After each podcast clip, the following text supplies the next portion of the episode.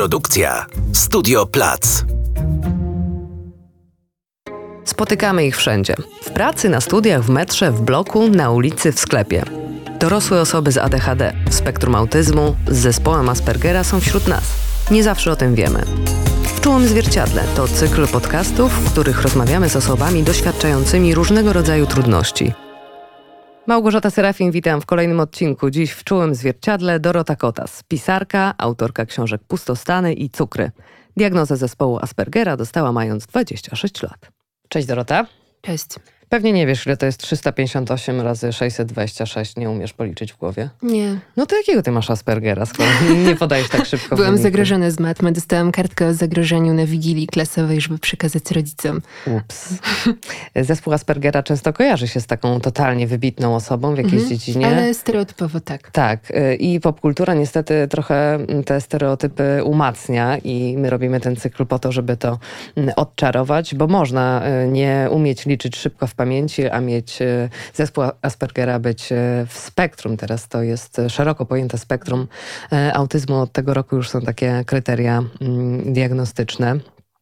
Chciałabym porozmawiać o Twojej książce Cukry, w której opowiedziałaś, mm, w zasadzie nie opowiedziałaś, mam wrażenie, jakbym weszła w Twoją głowę i pokazałaś czytelnikom po prostu to, co się dzieje w Twojej głowie, jak odbierasz świat.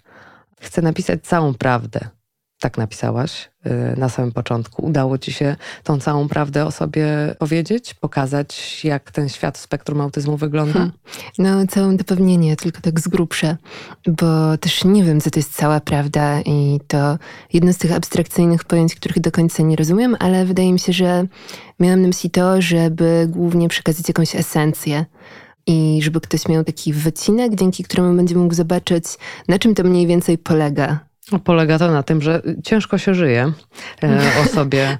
Dobrze powiedziane, z grubsza tak. Ciężko się, W sumie mogłabym to zrobić w jednym zdaniu. To jest e, naprawdę takie piękne polskie hasło, bo nas po prostu ciężko się żyje. Z czym ci najciężej e, było przez całe życie? Z ludźmi. E, Z, e, z bliskimi, e, czy właśnie z ludźmi? Po prostu? No, myślę, że tak. To znaczy, bliskich w tamtym momencie chyba nie miałam.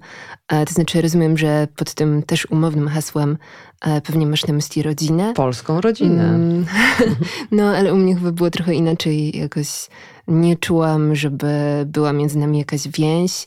Jeśli no, był, była to po prostu jakaś jednostka społeczna, w której wylądowałam przez przypadek, ale nie mieliśmy ze sobą zbyt wiele wspólnego. Pustostany, czyli twój literacki debiut, przyniósł wstyd rodzinie, rodowi Kotasów, tak też napisałaś. Czy ja wiem, a może e, dumę? Napisałaś w książce. W końcu dużo osób kupiło książkę. No właśnie, bo ty jeszcze po debiucie Pustostanów jeszcze nie miałaś e, diagnozy. Jeszcze nie. Jak to zniosłaś? No, piszesz e, debiut, jakby pisanie to było całe twoje życie, ale wreszcie pojawia się książka. Piszesz Pustostany, e, dostajesz nagrodę i zaczynają się telefony, wywiady, spotkania. Jak ty sobie z tym radziłaś?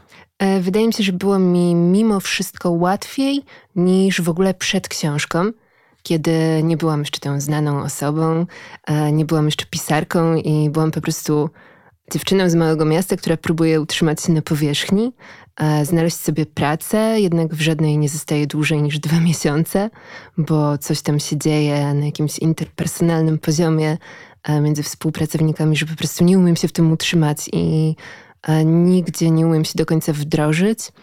E, Więc w sumie po książce było mi nawet lepiej, bo mm, chyba miałam też, no miałam na pewno pieniądze, a więc nie musiałam przez jakiś czas pracować, to było duże ułatwienie. No i mogłam też sobie odpoczywać między tymi wywiadami, a wcześniej raczej musiałam ciężko harować. No tak, bo nie mogłaś sobie za bardzo poodpoczywać w pracy. Na drugi dzień musiałaś e, iść do pracy. Liczyłaś kiedyś, w ilu miejscach miałaś chwilowe Myślę, zatrudnienie? W spokojnie w jakichś 40, Naprawdę? powiedzmy. No, tak. Czasami pracowałam tak, że przychodziłam na dzień próbny i już nie wracałam. Albo przychodziłam na rozmowę o pracę i wychodziłam w trakcie, bo poczułam, że to już nie będzie to i że, że po prostu się nie dogadam z osobą, która mnie potencjalnie miałaby zatrudnić. Dlaczego? No bo mm, trochę nie kumam ludzi i czasami jakoś to wychodzi i to po prostu działa, że coś klika w, tym, w tych relacjach e, i jakoś jestem w stanie, mm, no nie wiem, normalnie rozmawiać, a czasami no po prostu nie umiem się w to wdrożyć. I też kiedy ktoś jakoś czuje, nie, ktoś wydaje mi się taki bardziej odległy od mojego sposobu myślenia, czy od moich wartości, to bardzo trudno jest mi w ogóle uczestniczyć w rozmowie i być w kontakcie. Czyli nie nauczyłaś się tego mm, maskowania, którego tak pięknie uczą się dziewczynki nie Trochę zaciskałaś zębów, czy ale... zaciskałaś zęby całe życie? No, męczyło mnie na pewno wiele rzeczy i jasne, że maskuję i do pewnego stopnia, bo przecież nie wszyscy uwierzyli w moją diagnozę i niektórym daje, wydaje się nadal, że przecież świetnie sobie radzę. Mm, więc wydaje mi się, że całkiem nieźle się maskuję, ale jednak nie idealnie. I kiedy zna się mnie dłużej, to chyba można się zorientować, że, no, że to jest jakaś przykrywka i że to nie jest moja naturalna łatwość, że nie mam tego talentu, żeby prowadzić jakieś grzecznościowe rozmowy albo żeby odnaleźć się w towarzystwie w dużym gronie osób, które, nie wiem, rozmawiają nie masz talentu, żeby prowadzić grzecznościowe rozmowy, ale nauczyłaś się tego na potrzeby funkcjonowania e, w społeczeństwie, bo mm, no, nie napisałaś do szuflady, chociaż pewnie wiele rzeczy napisałaś do szuflady, a nawet e, czytałam, że e, wydałaś wiele książek do szuflady kartki A4 dziurkując ulubionym swoim dziurkaczem.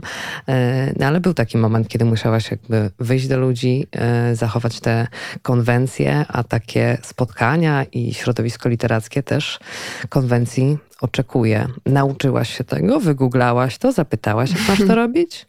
Chyba mm, staram się to robić jak najbardziej naturalnie i wydaje mi się, że moja książka też daje mi trochę takie przyzwolenie do tego, żeby e, nie trzymać się usilnie tego schematu, według którego trzeba postępować. I może też mnie trochę usprawiedliwia mm, tak towarzysko. Ale nigdy nie starałam się jakoś bardzo, bo ja Nauczyłam się tych e, schematów, zostałam wychowana w określony sposób, na przykład w taki, że moi rodzice ciągle mi powtarzali, że muszę się cały czas uśmiechać, to wtedy wszyscy będą mnie lubili. E, więc Poznałam mniej więcej te zasady, starałam się też przyswoić je sobie, e, na przykład oglądając telewizję, seriale i zobaczyć, jak ludzie się zachowują. No i wydaje mi się, że mam w tym całkiem dużą biegłość na takim poziomie teoretycznym i wiem mniej więcej, jak to działa, co trzeba powiedzieć, ale też trochę świadomie z tego rezygnuję, bo, bo myślę, że to głupie i że to tak naprawdę oddala ludzi od siebie, a nie umożliwia im takiego prawdziwego, realnego kontaktu i na przykład mówienie tego, na co mają ochotę, albo co naprawdę chcą powiedzieć, a nie co wydaje im się, że powinni. A uśmiechasz się tak w sposób naturalny, kiedy z czymś się zgadzasz, kiedy coś cię rozweseli, kiedy ktoś bliski ci powie ci coś miłego, czy po prostu nauczyłaś się uśmiechać i, i weszło to w twoją taką naturalną krew, czy cały czas jest to dla ciebie takie nie do końca naturalne zjawisko wypływające z tego, że myśl płynie do serca i objawia się uśmiechem na twarzy? Ja często uśmiecham się chyba najczęściej, dlatego że jestem zakłopotana i nie wiem, co innego mogłabym zrobić, ale chyba zdarza mi się też uśmiechać w taki naturalny sposób wtedy, kiedy faktycznie jest mi miło. I zdarza mi się też uśmiechać świadomie i tak strategicznie wtedy, kiedy chcę dać komuś znać, że się z nim zgadzam albo że, nie wiem, podoba mi się to, co mówi. Ale często uśmiecham się w taki głupi, mimowolny sposób, bo robię to jakoś stresowo i na takiej zaciśniętej twarzy na jakichś dużych wydarzeniach, kiedy po prostu nie wiem, jak się zachować, więc się uśmiecham. No i chcę, żeby wszyscy mnie polubili. Mm, I to się dzieje no, jak taki schemat, który, na którym się łapię i próbuję przestać, ale nie mogę. I później w domu strasznie mnie boli twarz. I to bardzo często mi się zdarza. I to wtedy czuję, że to nie było naturalne, skoro e, aż tak twarz boli z zaciśnięcia. No, ale chyba też coraz więcej z tego rozumiem i jakoś mm, umiem tak zmapować sobie te fragmenty, w których to nie jest szczere. Czyli po coming outie, którego dokonałaś w cukrach, łatwiej ci się trochę żyje i funkcjonuje. Czujesz więcej zrozumienia? Mm, trochę tak, a trochę nie, bo z jednej strony miałam taką nadzieję, że dobra, napiszę teraz książkę o spektrum, i nie będę musiała już nigdy tego nikomu tłumaczyć, bo wszyscy po prostu będą wiedzieli. Albo że da to ludziom jakiś powód, żeby w ogóle zapoznać się z tematem i żeby się zainteresować, douczyć, bo wiele osób nie ma pojęcia, na czym to polega. E, no i myślałam, że będę mieć to załatwione. Ale jednak tak nie jest. I bardzo często teraz, kiedy występuję jako osoba, mm, nie wiem, samorzecznicza i wypowiadająca się w temacie, to no, konfrontuję się z tym, że ludzie jednak nadal nie mają pojęcia, nawet kiedy przeczytali moją książkę, i że może jakieś ich dobre chęci nie wystarczają, żeby, no, żeby skumać to. A myślę, że to może właśnie wynikać z braku dobrych chęci, y, z stereotypowego pojmowania y, spektrum i z tego, że ono nie jest takie widoczne, znaczy, że to nie jest niepełnosprawność, którą mhm. widać, prawda? Że to jest w mózgu. Tak, że to jest w mózgu i, e, i że łatwiej jest ocenić, że ktoś jest e, dziwakiem i ekscentrykiem niż jest na, na spektrum. No, mhm. jakby tak oceniamy ludzi, a nawet jeżeli często się zdarza, że jeżeli chcemy kogoś obrazić e, albo skomentować jego zachowanie, to mówimy, że on jest jakiś autystyczny, więc to jest pejoratywne.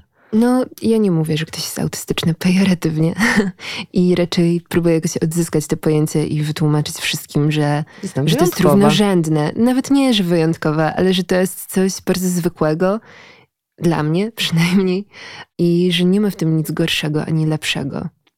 Ale też faktycznie ludziom jest jakoś mm, może łatwiej e, samemu sobie to przyporządkować do jakiejś kategorii choroba, niż e, jakoś ogarnąć to, że to jest po prostu inna ścieżka rozwojowa mózgu. Twoja rodzina nie ogarnęła tego, że to jest inna ścieżka rozwojowa mózgu w odpowiednim mm. momencie, kiedy byłaś mała, ani teraz? Wydaje mi się, że moja rodzina mm, jest na tyle jakoś przejęta, no tak wewnętrznie kościołem e, i jakąś jego indoktrynacją, tymi wszystkimi pseudonaukami, które się wygłasza na mównicach w kościołach, że, że nawet nie ma takiej opcji, żeby przyswoili coś innego niż wiedzę, którą się tam podaje. Do tego stopnia, że z tobą nawet rozmawiał ksiądz, którego twoja mama e, zaprosiła i msze były zamawiane, bo ksiądz stwierdził, że czuje duży wpływ religii wschodu na ciebie. Nie pomogło, jak rozumiem. No nie bardzo. Miałaś trzy lata, kiedy nauczyłaś się czytać i pisać, czyli super dziecko to fajnie, jest takie zdolne, umie czytać i pisać, jest wyjątkowe. Gdyby coś było złego, to może zwróciłoby to uwagę?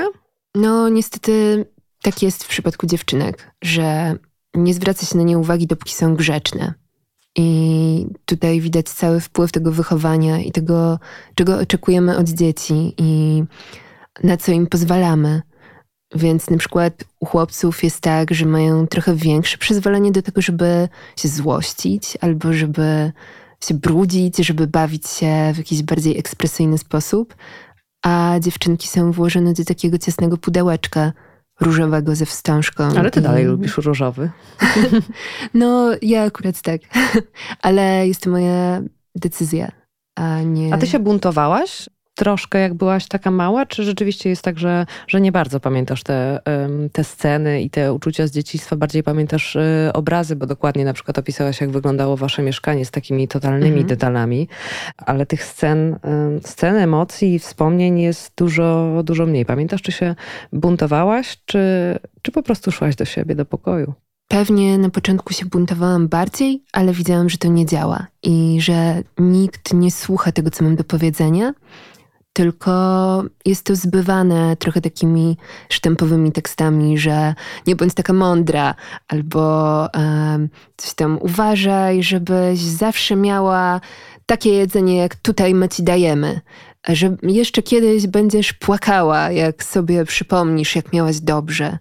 No i nie wiem, po prostu było strasznie dużo takich głupich tekstów, e, które miały mnie tak mm, ściągnąć w dół i pokazać mi, że tak naprawdę w ogóle się nie liczę. Naprawdę, no, żebyś nie. była grzeczna i wykonywała polecenia. No właśnie nie wykonywałam, ale potem zaczęłam po prostu rezygnować i wycofywać się. I teraz już całkowicie zrezygnowałam z mojego domu rodzinnego. Ale stwierdziłaś... Yy, z myślisz, tak zwanego że, domu. Tak zwany dom rodzinny. Yy, myślisz, że to był twój mechanizm obronny, żeby jakoś przetrwać, właśnie wycofywać się, uciec y, do pokoju, czytać yy, i pisać, bo zobaczyłaś, że jesteś za słaba, żeby zawalczyć o swoje? Trochę nie miałam innego pomysłu na inną, lepszą strategię, bo musiałam mieszkać z tymi osobami do pewnego momentu, bo byłam od nich zależna finansowo i no po prostu musiałam chodzić do szkoły, nie miałam dokąd się wynieść. No i trochę z konieczności musiałam po prostu przetrwać ten czas. I wiedziałam, że kiedy się wyprowadzę, to będę mogła żyć już na swoich zasadach i jakoś zbudować swoje życie tak, jak ja chcę, a nie jak ktoś mi dyktuje i oczekuje tego ode mnie. E, no ale do pewnego momentu po prostu wiedziałam, że nie mogę zrobić nic innego niż to przeczekać. Czyli twoje dzieciństwo i okres dorastania, dopóki nie, nie, nie uciekłaś na studia do dużego miasta stołecznego z małego miasta, to było jedno wielkie, jedna wielka walka o y, przetrwanie. I w tym przetrwaniu towarzyszyły ci pisanie i zwierzęta? Mm, tak, zwierzęta też z przygodami, bo to nie było takie oczywiste, żeby zwierzęta znalazły się w domu, ale miałaś sprzymierzeńca w postaci taty. Pisałaś też, że jeżeli ty jesteś w spektrum, to on na 200% y, jest w spektrum. Mama mówiła, że jesteś taka sama jak ojciec. Nie patrzycie w oczy, interesujecie się tylko um, zwierzętami. Czułaś z nim to porozumienie w sprawie zwierząt, że ma taką wrażliwość na to, że jesteście w tym podobni? Mm, czułam, że jesteśmy podobni, ale jednak on był zbyt nieobecny, żebym mogła z tego w jakikolwiek sposób skorzystać. Bo był po prostu osobą, która, no, tak samo jak ja później uciekała z domu po to, żeby pracować i robić jakieś swoje rzeczy na zewnątrz, i która nie próbowała mm, mieszać się do wychowywania dzieci, no bo był po prostu ojcem pracującym, który zarabiał pieniądze na nasze utrzymanie i to była jego jedyna funkcja. Te zwierzaki to byli twoi przyjaciele w dzieciństwie? Czy miałaś e, koleżanki z klasy? Czy byłaś taka wycięta i wyautowana, dziwaczna? Miałam takie zaaranżowane znajomości to przez znaczy, moich kto rodziców. Aha, umawianki? No, na przykład e, Masz się z nią bawić. z sąsiedztwa, tak. Bo lubimy jej rodziców i Mhm. zapraszamy jej rodziców, więc wy musicie spędzać razem czas. No, ale nie były to jakieś super bliskie znajomości. Chociaż no, zdarzało mi się robić coś z innymi dziećmi, no bo żyłam na takim osiedlu domków jednorodzinnych pod miastem, trochę z dala od, e, no nie wiem, z dala od ludzi w większej ilości, więc miałam trochę ograniczoną ilość koleżanek do wyboru i po prostu bawiłam się z tymi, które były, ale też chyba na takich trochę innych zasadach i bardziej je obserwując i próbując się dostosować i być taka jak one i trochę nie rozumiejąc o co im chodzi. A myślałeś, że A. one robią ok? Próbowałaś się dostosować. y, No w dzieciństwie to jeszcze nie było aż tak wyraźne, bo myślałam, że wszyscy tak mają, że po prostu przyglądają się i starają się robić to, co inni. Później, kiedy zaczął się ten etap, kiedy dziewczyny szukają sobie chłopaków i się zakochują, e, było to dużo trudniejsze, żeby je naśladować, no bo mi podobały się dziewczyny. E, Więc czułam się jeszcze bardziej wyobcowana, no i to się jakoś pogłębiało właściwie do momentu, aż się wyniosłam i poznałam jakichś innych ludzi. Czyli od początku um, byłaś y, świadoma e, swojej tożsamości seksualnej? Mm, Czy Byłam, z chłopakami myślałam, też coś umawianki strasznie miałaś? złego. Nie, nie Aha, że, że, że przede wszystkim też grzech. Tak, No i, że coś, pójdę do piekła. I coś strasznie złego i dziwnego. No, więc e, też zaan- zaangażowałam się w chodzenie do kościoła w takim bardzo intensywnym stopniu, że myślałam, że się naprawię i że jeśli, no nie wiem, jeśli będę wystarczająco często tam chodzić, czytać te święte książki przy świeczce i To ci przejdzie. em, się modlić, no to tak, to wszystko będzie ok, albo przynajmniej ktoś mi wybaczy, że taka jestem. Ucieczka do miasta stołecznego e, była końcem pewnego rodzaju twoich problemów? Czy zaczęły się nowe, związane z tym, że to jest duże miasto i no, jest coś, co ty źle znosisz, czyli mnóstwo bodźców? Ale i tak było mi lepiej, bo to znaczy, na pewno było to dla mnie trudne. Tym trudniejsze, że musiałam poradzić sobie sama i znaleźć najtańszy pokój w Warszawie, a potem szukać jakiejś gównianej pracy po to, żeby, no, żeby w ogóle jakoś żyć i kupować najtańsze jedzenie, żeby, e, no, żeby jakoś przetrwać. I to było zawsze takie bardzo, no, takie ukierunkowane z dnia na dzień. Wiedziałam, że nie chcę wracać do Garwolina, że bardzo, e, no, że muszę zrobić wszystko, żeby zostać w Warszawie, bo tutaj jakoś może uda mi się żyć. No, gdzie, gdzieś tam zawsze się zaczepisz. To jest Warszawa, prawda? Mhm. Tutaj zawsze jakąś pracę zna, znajdziesz i znalazłaś. 40 nawet, a, a nie jedną pracę. A jeszcze chciałam zapytać o, o tę pracę. Myślisz, prowadzisz w ogóle takie statystyki?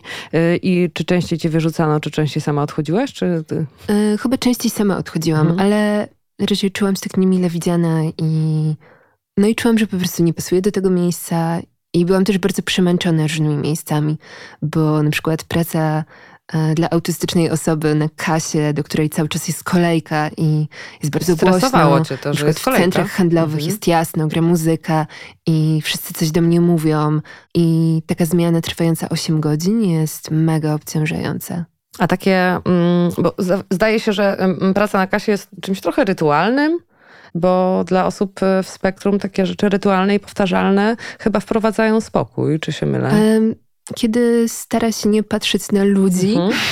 nie patrzeć na ich twarze i mówić do nich o minimum Ale rzeczy. trzeba im powiedzieć dzień dobry, dziękuję, do widzenia, Niestety. zapraszam ponownie. No. no, może da się to jakoś przetrwać, ale na pewno ja też wiedziałam, że to nie jest to, co ja docelowo chciałabym robić. Rozumiem, że byłaś w stanie wszystkiego się e, nauczyć. Nauczyłabyś się mówienia tego dzień dobry, do widzenia, zapraszam ponownie. No, robiłam takie rzeczy. Tak, uśmiechnięcia się. I, i potem czułaś, e, że to e, dużo energii cię kosztuje? Bardzo. Ja wracałam do domu i właściwie czułam, że muszę od razu zrobić sobie taką drzemkę i odpocząć, bo nie byłam w stanie już później nic robić. E, no chociaż też trochę się zahartowałam i jakoś wpadłam w ten rytm, bo miałam taką bardzo dużą determinację, że czułam, że to i tak jest lepsze od mieszkania z moją matką. Więc, e, no więc robiłam te rzeczy po prostu, bo musiałam.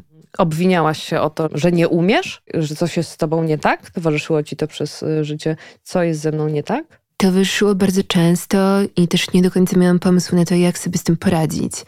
Więc lądowałam też w różnych gabinetach z depresją i stanami lękowymi, ale właściwie nikt w tamtym czasie, jakoś na początku mojego życia, nie zdiagnozował mnie i nie podsunął mi tego tropu, że to może być spektrum. A jak to się stało, że doszło do tego, że postanowiłaś zdiagnozować się w kierunku spektrum? Wydaje mi się, że po prostu coraz więcej o tym czytałam i jakieś książki i w ogóle poznawanie od środka tej perspektywy autystycznych osób, które żyją w ten sposób, który był bliski moim sposobom i moim strategiom, a jakoś dawał mi do myślenia i bardzo się w tym odnajdowałam, czytając te wszystkie świadectwa. No i oglądałam filmy, seriale z autystycznymi bohaterami, chociaż to się pojawiło właściwie dopiero niedawno, wcześniej nie było tego w takiej ilości w telewizji, ale jakoś udawało mi się znajdować coraz więcej informacji na ten temat i w końcu postanowiłam to sprawdzić. Mm, bo ta depresja, diagnozy, e, depres diagnoza depresji to nie było to? Bo pewnie to dostałaś też było to, to, też było to, to bardzo często łączy mhm. się ze spektrum. Ale doprowadziłaś swój organizm, siebie, postrzeganie siebie do takiego stanu klinicznej depresji, że, że nie miałaś siły, że ten świat jednak e, no, nie dźwignę go. No, miałam takie momenty i w ogóle bardzo dużo chorowałam, też trochę psychosomatycznie. A na przykład kiedy się z kimś pokłóciłam, to później było mi niedobrze, jakby czułam takie fizyczne mdłości, bo jakoś moje ciało dawało mi znać, że, no, że dzieje się coś ciężkiego. A więc może nie miałam takiego super kontaktu ze swoimi emocjami i nie ogarniałam, z czego to się bierze, na czym to polega, jakie są powody i jak mogę sobie pomóc, ale takie nie do zignorowania były te fizyczne objawy no, jakiegoś lęku i takiego wyczerpania. A masz taki lęk jakby mm, ciągły y, i niepokój i, i stan gotowości? Odczuwasz to przez całe życie? Właściwie to tak. Wydaje mi się, że taki podskórny strach jest taką moją podstawową emocją, którą mam zawsze gdzieś w tle. Że strach to jest taka pierwsza emocja, która ci przychodzi. No myślę, że taki lęk i smutek że to jest jakaś moja baza, od której czasami się trochę odbijam w górę, ale nie za bardzo. A jakbyś chwilę. dostała taką kartkę z wypisanymi emocjami, e, których jak się okazuje jest dużo i uczuć, e, to myślisz, że byłabyś w stanie w ogóle zidentyfikować, co się czuje w takiej sytuacji? Pewnie Czy... mniej więcej tak. To znaczy, nie dużo czytam mhm. i myślę, że to też daje mi jakąś taki wgląd w siebie. Czytanie książek innych osób i o innych osobach jakoś no też pomaga mi bardzo tak w takim mapowaniu moich emocji. Jak usłyszałaś diagnozę, to poczułaś taką ulgę? Czy pomyślałaś, że to jest dopiero początek drogi? Czy to jest mm. jednak zwieńczenie tego, że wre Jezu, wreszcie wiem, co się działo przez tyle lat i dlaczego było mi tak ciężko? Czy to jest właśnie taki początek drogi? No na pewno nie byłam zaskoczona, mhm. mm, tylko usłyszałam, że no, potwierdziło się to, co sobie myślałam. W sumie spodziewałam się tego, więc nie było to żadne zaskoczenie. Ale nie pamiętam, co sobie myślałam. Chyba byłam po prostu taka zmęczona całym tym procesem i tym, że spędziłam kilka godzin w gabinecie i potem miałam jeszcze wracać pociągiem kilka godzin do Warszawy, bo robiłam diagnozę w Gdyni, żeby było taniej. Więc chyba czułam jakieś zmęczenie i po prostu chciałam już wyjść do domu i położyć się spać. Ale potem trawienie tej informacji też zajęło mi jeszcze sporo czasu. No i skończyło się książką. Ale nie miałaś takiego poczucia, że, że to jest y, choroba, twoja wina, że mogłaś coś zrobić, albo ktoś mm. mógł coś zrobić wcześniej? Czy... Wiedziałam, że to nie jest choroba, bo mhm. już naczytałam się na tak. ten temat i poszłam tam dobrze przygotowana. Wiedziałam, jakie są objawy, o co mogę zostać zapytana, ale też miałam taką jakiś, nie wiem, może rodzaj żalu, że zostałam przeoczona przez system i że nikt nawet nie podejrzewał, ani nikt nie sprawdził tego. Nikt nie sprawdził, nikt nie podejrzewał, bo to były takie lata, nikt nic o tym e, nie wiedział i nie zwróciło niczyjej uwagi to, że ty na przykład jesz bardzo konkretne rzeczy, bo, bo to były czasy, kiedy e, się mówiło mięsko zjedz, ziemniaczki możesz zostawić. Nie? Mhm. Tak, tak no jeszcze mój ojciec był myśliwym. No dokładnie, tak to mniej więcej wyglądało. Ty szybko zrezygnowałaś e, z mięsa, ale mama powiedziała, że o nie, nie, nie, nie, nie odejdziesz od stołu, dopóki nie dokończysz. Siedziałaś tak dwa dni, także szacun, wygrałaś to e, starcie, ale mm, piszesz, że lubisz jeść rzeczy, które chrupią, są niezdrowe i słodkie i przeważnie jesz e, to samo. Masz jakiś taki, myślisz, że to jest lęk przed spróbowaniem czegoś nowego, czy, czy jedząc rzeczy, które znasz, czujesz się bezpiecznie? Bardzo lubię próbować nowych mm. rzeczy, ale jest w tym trochę też takiej łatwizny, że jem cały czas to samo i po prostu może czuję się też bezpiecznie, kiedy na przykład codziennie robię pizzę, bo nauczyłam się już ją robić. Wiem, Czyli że zajebiście mi wychodzi. tak, więc teraz jestem na etapie jedzenia pizzy ze wszystkim, mhm. mm, ale ze wszystkim samym sosem, który też mhm. robię według jakiegoś swojego przepisu. I tak naprawdę jestem bardzo dobra w gotowaniu i spędziłam też sporo czasu pracując na kuchni, karmiąc inne osoby, ale mam w tym jakiś szacunek do tego, że no, ludzie powinni móc zdecydować, co chcą jeść i że to jest jakaś podstawa bezpieczeństwa, jedzenie. Czyli umiesz gotować, ale nie bardzo lubisz gotować dla siebie i swojej e, dziewczyny. Albo lubię też gotować dla siebie, tylko że wpadam w takie momenty, że gotuję przez kilka dni z rzędu to samo. Mhm. I po prostu jakoś się przyczepiam do bardzo konkretnych rzeczy, które mi smakują i po prostu je powtarzam, bo no, lubię po prostu wiedzieć, co mam zrobić i jak to się robi. Albo kiedy jeżdżę rowerem, też bardzo lubię jeździć rowerem, ale nie zawsze wiem, w którą stronę w ogóle mam jechać, więc lubię mieć jakieś konkretne miejsce i jeździć cały czas tam. Czyli opcja, że masz jakiś punkt docelowy jest dla ciebie bezpieczniejsza niż takie jechanie trochę bez celu. No, to mnie trochę zwalnia z myślenia, a i tak myślenie jest czymś, co robię w zbyt dużej ilości i jest mega ciężkie i takie u mnie nadmiarowe, że bardzo się w tym jakoś zatracam i za dużo myślę. A spacer jest dla ciebie e, zadaniem czy relaksem? Jest zadaniem, ponieważ mam psa. Więc jest też w ogóle takim trochę rytuałem i w takim gorszym czasie, kiedy w ogóle nie chciało mi się wychodzić z domu i wydawało mi się, że na zewnątrz jest strasznie i jest niebezpiecznie i wszyscy są nieprzyjaźni, no to wychodzenie z psem jakoś mnie wyciągało na zewnątrz. Mm, dużo opisujesz e, takich um, kwestii sensorycznych i, i po nich jest łatwiej też pomyśleć sobie, jak się o tym czyta, o ja też tak mam, tak jak mówisz, że czytałaś te książki i, i oglądałaś dużo rzeczy, okazuje się, że ty też masz dużo takich e, odczuć. E, od kiedy nosisz takie bardzo, bardzo krótkie e, włosy? Od kiedy mogłaś sama to mm. zrobić i, i mama na ciebie nie nakrzyczała? Nie, mm, moi rodzice raczej nie krzyczeli na mnie w, na punkcie mojego wyglądu, mm. tylko obrzydzali mi go i Mhm. mówili mi, ale okropnie wyglądasz, ale się oszpeciłaś. Ale czym? Więc to Tym, była inna strategia. włosy, czy jakoś się Tak, ubrałaś beznadziejnie? Ale mm, nawet nie wiem, jak to się stało, bo pamiętam, że sama obcięłam sobie Mhm. włosy jakoś w liceum i strasznie tego żałowałam i wstydziłam się wtedy, Bo? bo, wszyscy mówili mi, jak jestem brzydka, albo żartowali z tego, że no, czy mam raka i na przykład koledzy mówili do mnie, nie martw się, wyzdrowiejesz w Mhm. ramach żartu. E, więc czułam, że bardziej rzucam się w oczy, wszyscy zwracają na mnie uwagę, no i to nie było komfortowe odczucie. A poza tym czułam się bardzo nieakceptowana i atakowana z tego powodu. Chociaż kiedy byłam małym dzieckiem, to moja matka obcinała mi włosy na bardzo krótko, bo miałam też taki moment, kiedy miałam 4 lata i urodził się mój brat, że ze stresu zaczęły mi wypadać włosy i wtedy, no, po prostu to była jakaś konieczność, żeby mi je obciąć bardzo krótko i żeby jakoś się wzmocniły. I potem nawet nie wiem, czy to lubiłam, czy nie, bo trochę chciałam być taka jak inne dziewczynki i trochę im zazdrościłam. A poza tym księżniczki w bajkach miały długie włosy, więc czułam, że ze mną jest coś nie tak i że na pewno nigdy nie będę księżniczką. No nie ma, sorry, księżniczki z włosami jak No ty. właśnie, nie, nie ma. Więc jakoś czułam się takim przegrywem, że wyglądam inaczej i że to widać.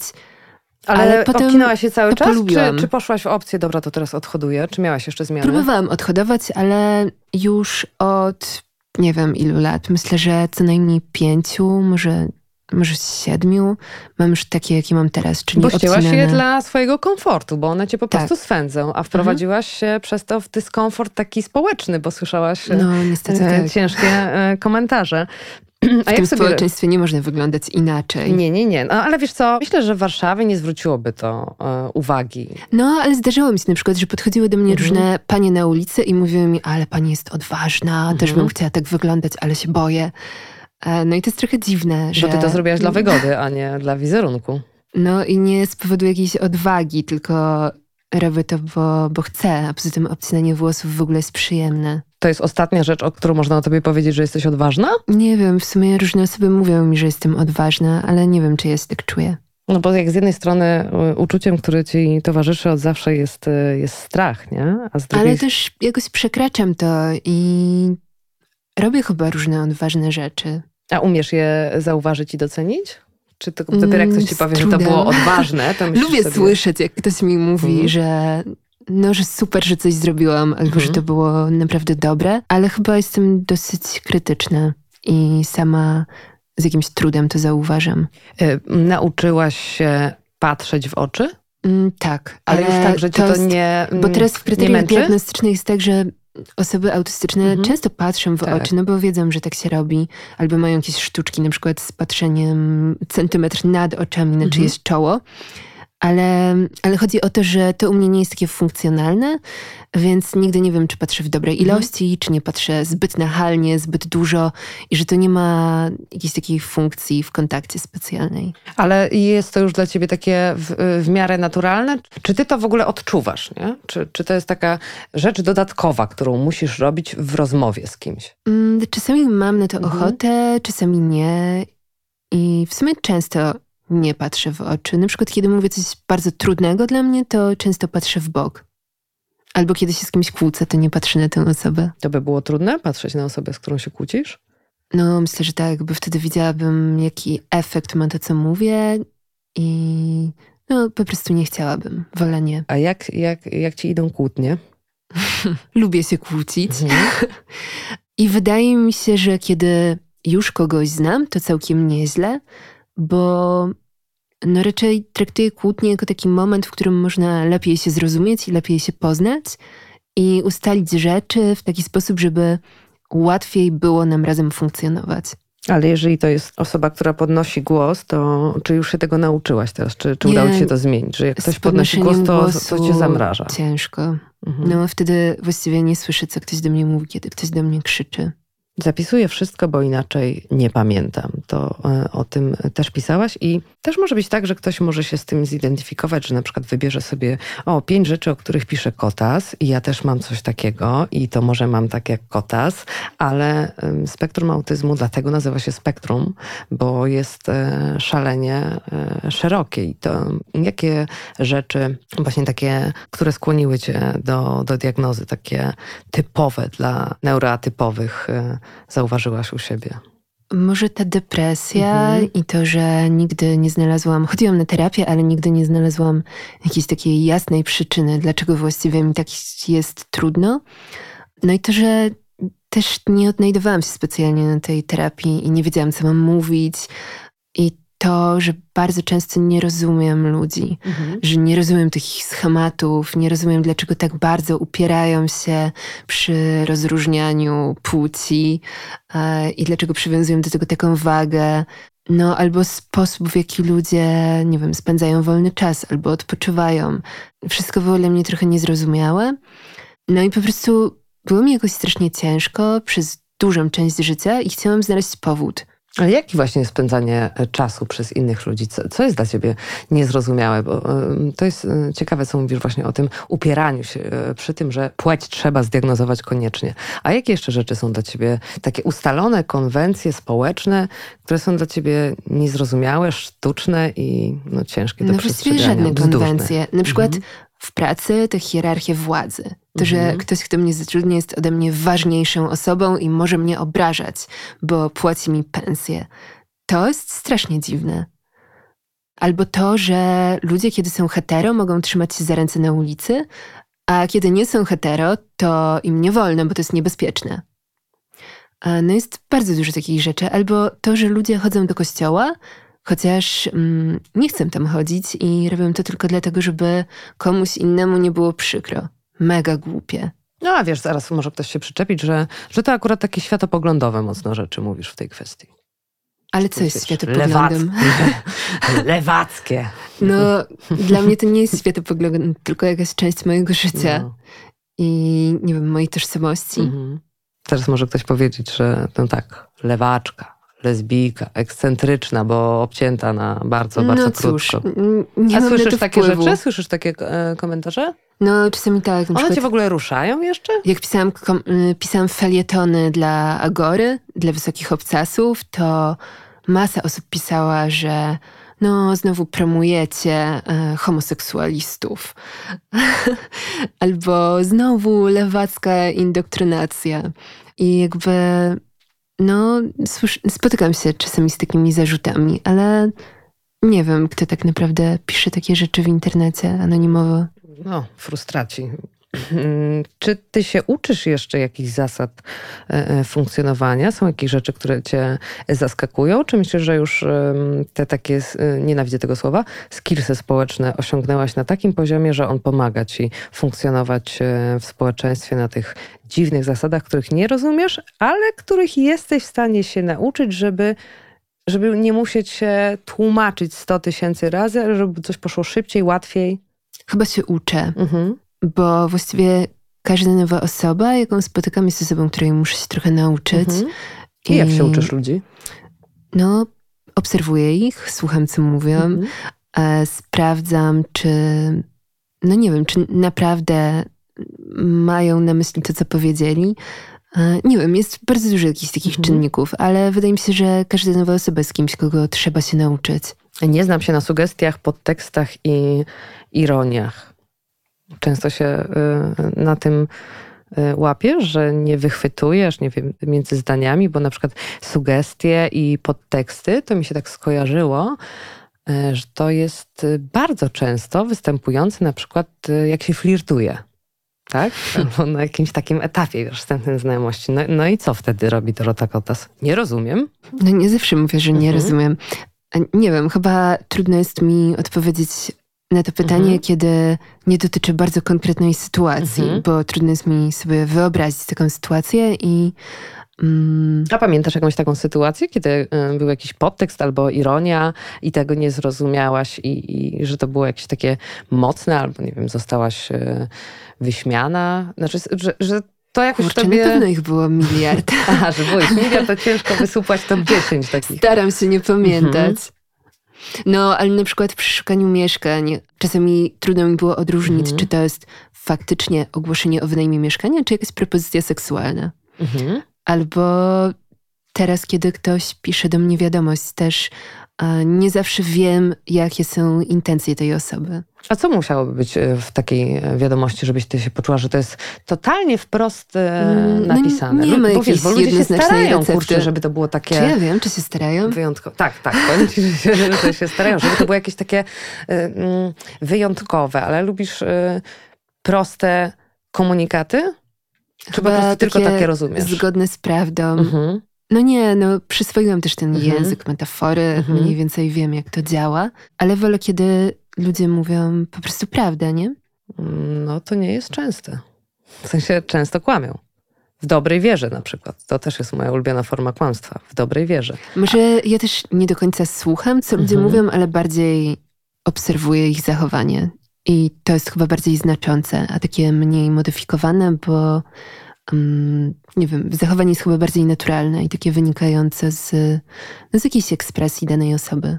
Nie, i, i, I po zachowaniu drugiego człowieka wtedy sobie tak y, jesteś w stanie Mm, Nawet nie, jestem w tym bardzo ocenić. dobra. Aha, nie jestem w tym bardzo, bo to tak, e, wiesz, z jednej strony masz ogromne trudności wewnętrzne z tym, z tym funkcjonowaniem, ale z drugiej strony, Ale kurczę, tego chyba tak bardzo nie widać. Idziesz jak burza, nie? No jakby jest jedna książka, druga książka, są wywiady, te wynajmy mieszkań. Na szczęście teraz mieszkasz już długo w jednym miejscu. No. Gratuluję, naprawdę. Dzięki. Ponad dwa lata, tak?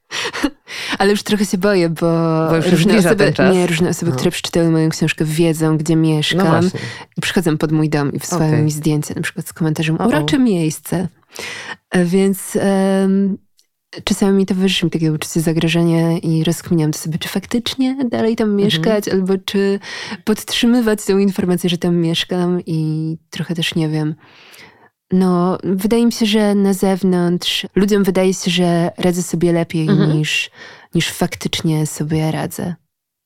Poza tym nikt nie widzi tej mojej twarzy domowej, e, kiedy na przykład wracam z wywiadu i po prostu padam, albo jestem w takich emocjach i w jakimś takim nabuzowaniu, że właściwie nie wiem, co mam ze sobą zrobić.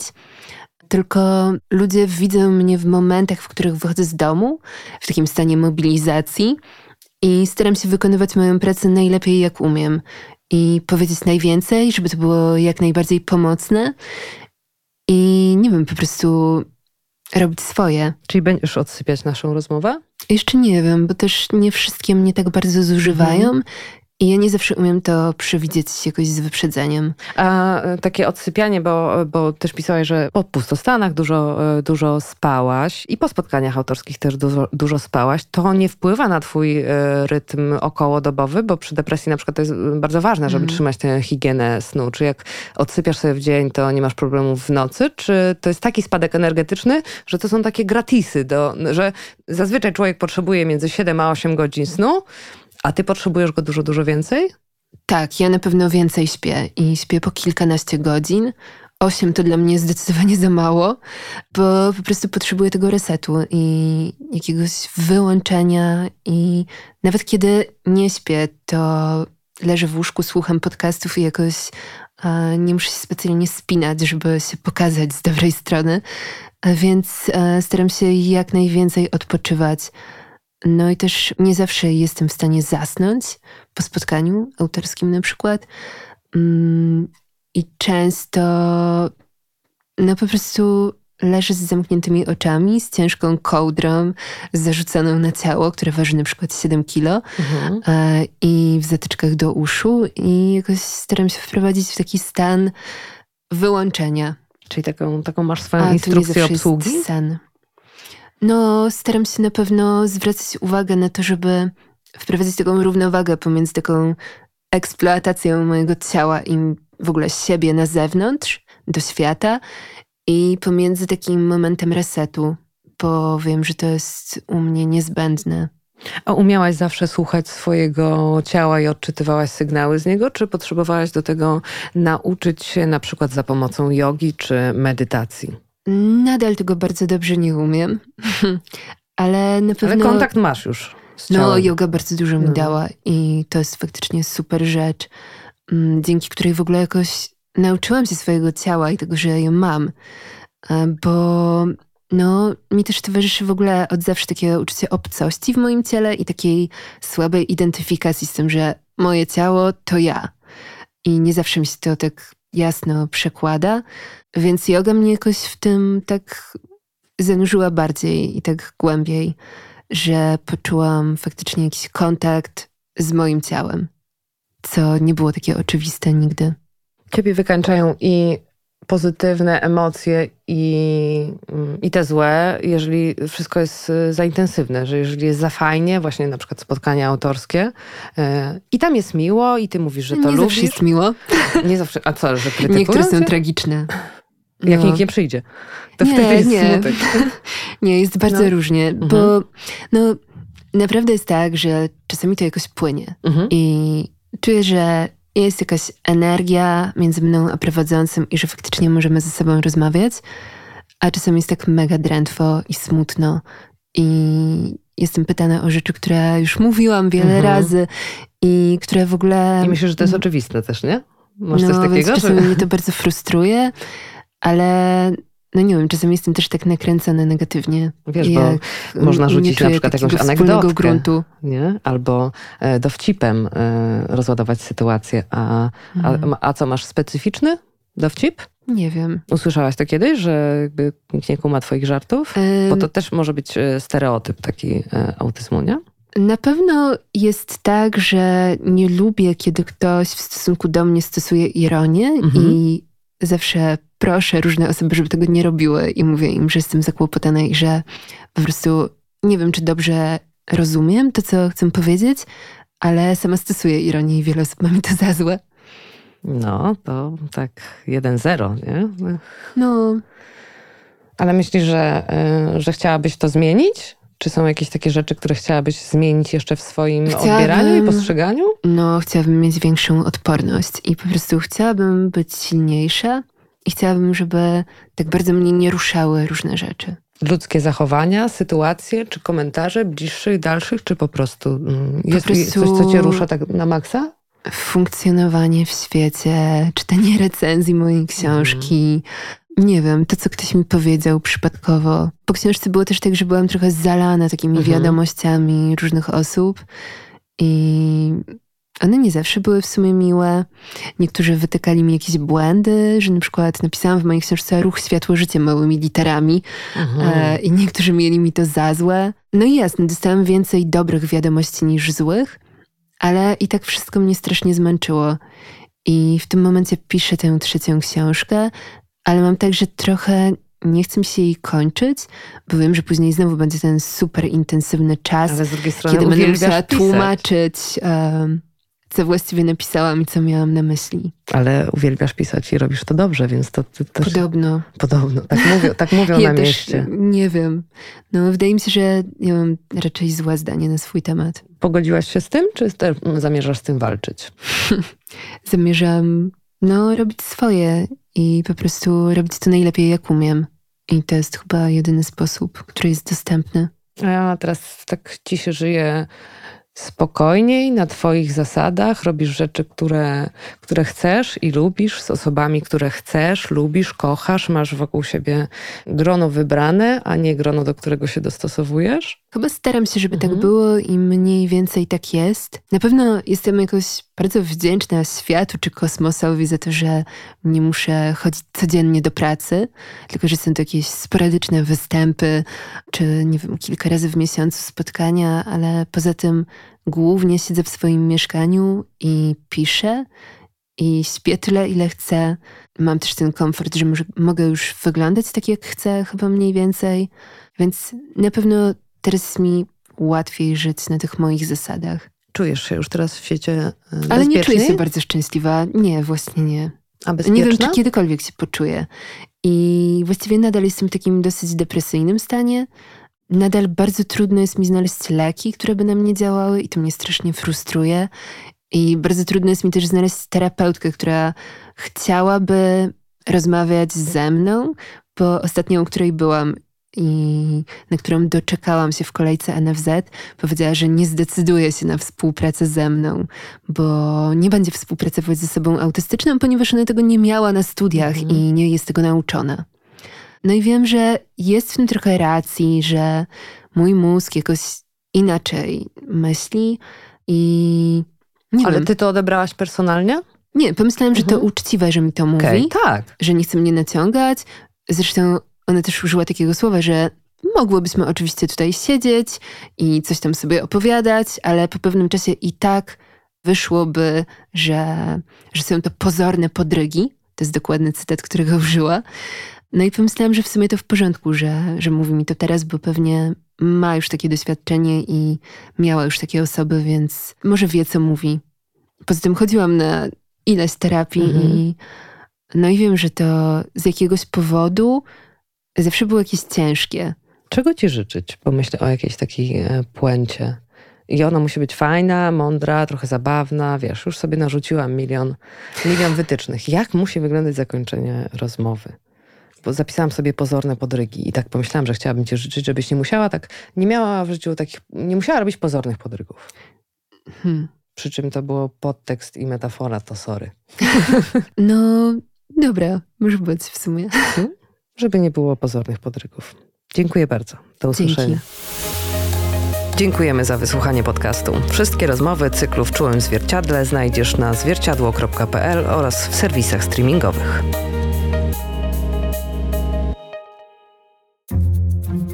Produkcja Studio Plac.